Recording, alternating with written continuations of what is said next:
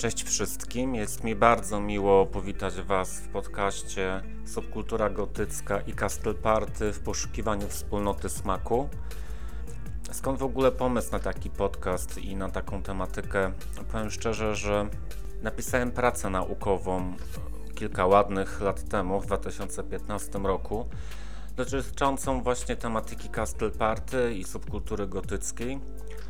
I od tego czasu ta praca naukowa po prostu leży odłogiem i tak zrobiło mi się szkoda i pomyślałem sobie, że to jest właśnie smutne, że studenci napracują się, włożą dużo czasu, energii, yy, przeczytają mnóstwo artykułów i książek, żeby stworzyć jakąś pracę naukową, obronić wymarzony tytuł. No i potem te prace niestety lądują albo w, w najgorszym wypadku to jedynie w archiwum yy, uczelni, a czasami też studenci po prostu postanawiają sobie ładnie oprawić te prace i później taka ładnie oprawiona praca leży na półce i zbiera kurz przez wiele, wiele lat. Pomyślałem, że szkoda, szkoda włożonej pracy w to wszystko. I dlatego postanowiłem nagrać właśnie podcast o tej tematyce, który będzie luźno bazować właśnie na mojej pracy licencjackiej. Wiem, że ta tematyka ostatnio jest poruszana na YouTubie, na przykład przez Falkę z Women in Corset, natomiast pomyślałem, że jednak to będzie miało formę bardziej podcastu, też po prostu może fajnie się uzupełnimy. Na wstępie powiem może czym jest Castle Party i w ogóle o co chodzi w tym podcaście tak naprawdę i jaka jest tematyka. Więc jeśli ktoś nie słyszał o Castle Party, to Castle Party wydaje mi się, że jest wydarzeniem szczególnie ważnym na mapie letnich festiwali organizowanych e, w Polsce, a może nawet w Europie, bo do posiadającego nieco ponad 5000 mieszkańców miasteczka Bolków, usytuowanego na Dolnym Śląsku, co roku, najczęściej w lipcu, przybywa kilka tysięcy fanów tak zwanego rocka gotyckiego oraz pokrewnych nurtów muzycznych, Przybywają oni z całego świata, by wspólnie bawić się przy koncertach ulubionych kapel. Trzeba jednak e, przyznać, że sformułowanie bawić się wedle reprezentantów tzw. Tak mrocznej kultury e, nie oznacza dokładnie tego, co zazwyczaj zwykli ludzie kojarzą z zabawą. Oczywiście jest bardzo radosna atmosfera, ale Castle Party jest nietypowym balem przebierańców, nacechowanym dla osób z zewnątrz trochę ponurą, mroczną atmosferą, przedziwnymi dla obserwatorów zwyczajami, to na pewno, upiornymi dla y, widzów z zewnątrz performansami oraz zewsząd otaczającą gotyckością. I tematem tego podcastu będzie właśnie Castle Party Drag Independent Festival jako wydarzenie kulturalne, którego uczestnicy tworzą pewnego rodzaju wspólnotę smaku, dla której istotną kategorią jest wspomniana przed chwilą gotyckość. Pomysł na w ogóle tą pracę moją licencjacką pojawił się z kilku przyczyn. Był 2015 rok, y, byłem jeszcze młodym chłopakiem i chciałem po prostu jakby zastanowić się nad tym, czy istnieje po pierwsze ugruntowany, wspólny, spójny smak estetyczny wśród uczestników Castle Party, bo nie do końca wydawało mi się to oczywiste. Część z uczestników festiwalu Castle Party wspomina także o tak zwanej estetyce gotyckiej, więc e, kolejnym naturalnie nasuwającym się pytaniem jest, jakie czynniki składają się na ową gotyckość.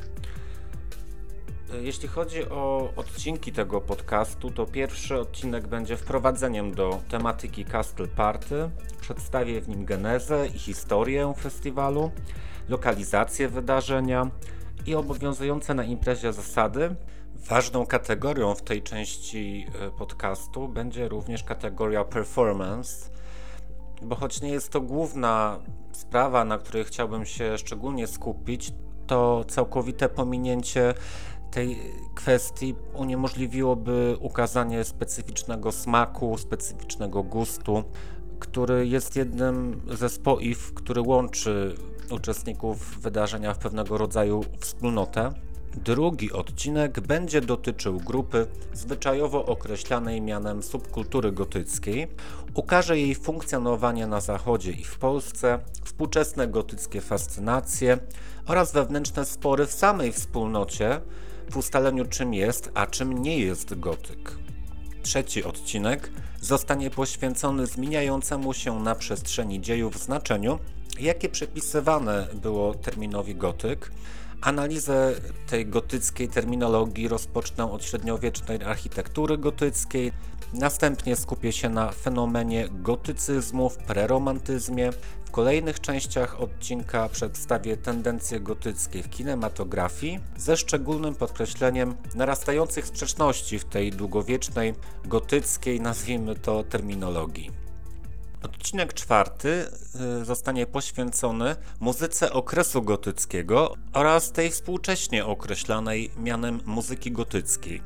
Opisanie muzyki uważam, że jest bardzo ważne w scharakteryzowaniu festiwalu w Bolkowie, ponieważ z jednej strony cechy muzyki mówią najwięcej o osobach w nim uczestniczących, z drugiej strony zaś na pierwszy rzut oka Uwielbienie do podobnych muzycznie klimatów wydaje się być najistotniejszym czynnikiem przynależności do tej wspólnoty, dlatego też uważam, że tej sferze należy poświęcić osobny odcinek.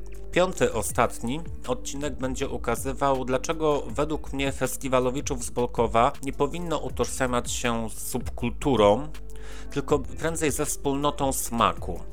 Źródeł, które pomogły mi w badaniu Castle Party i subkultury gotyckiej było kilka.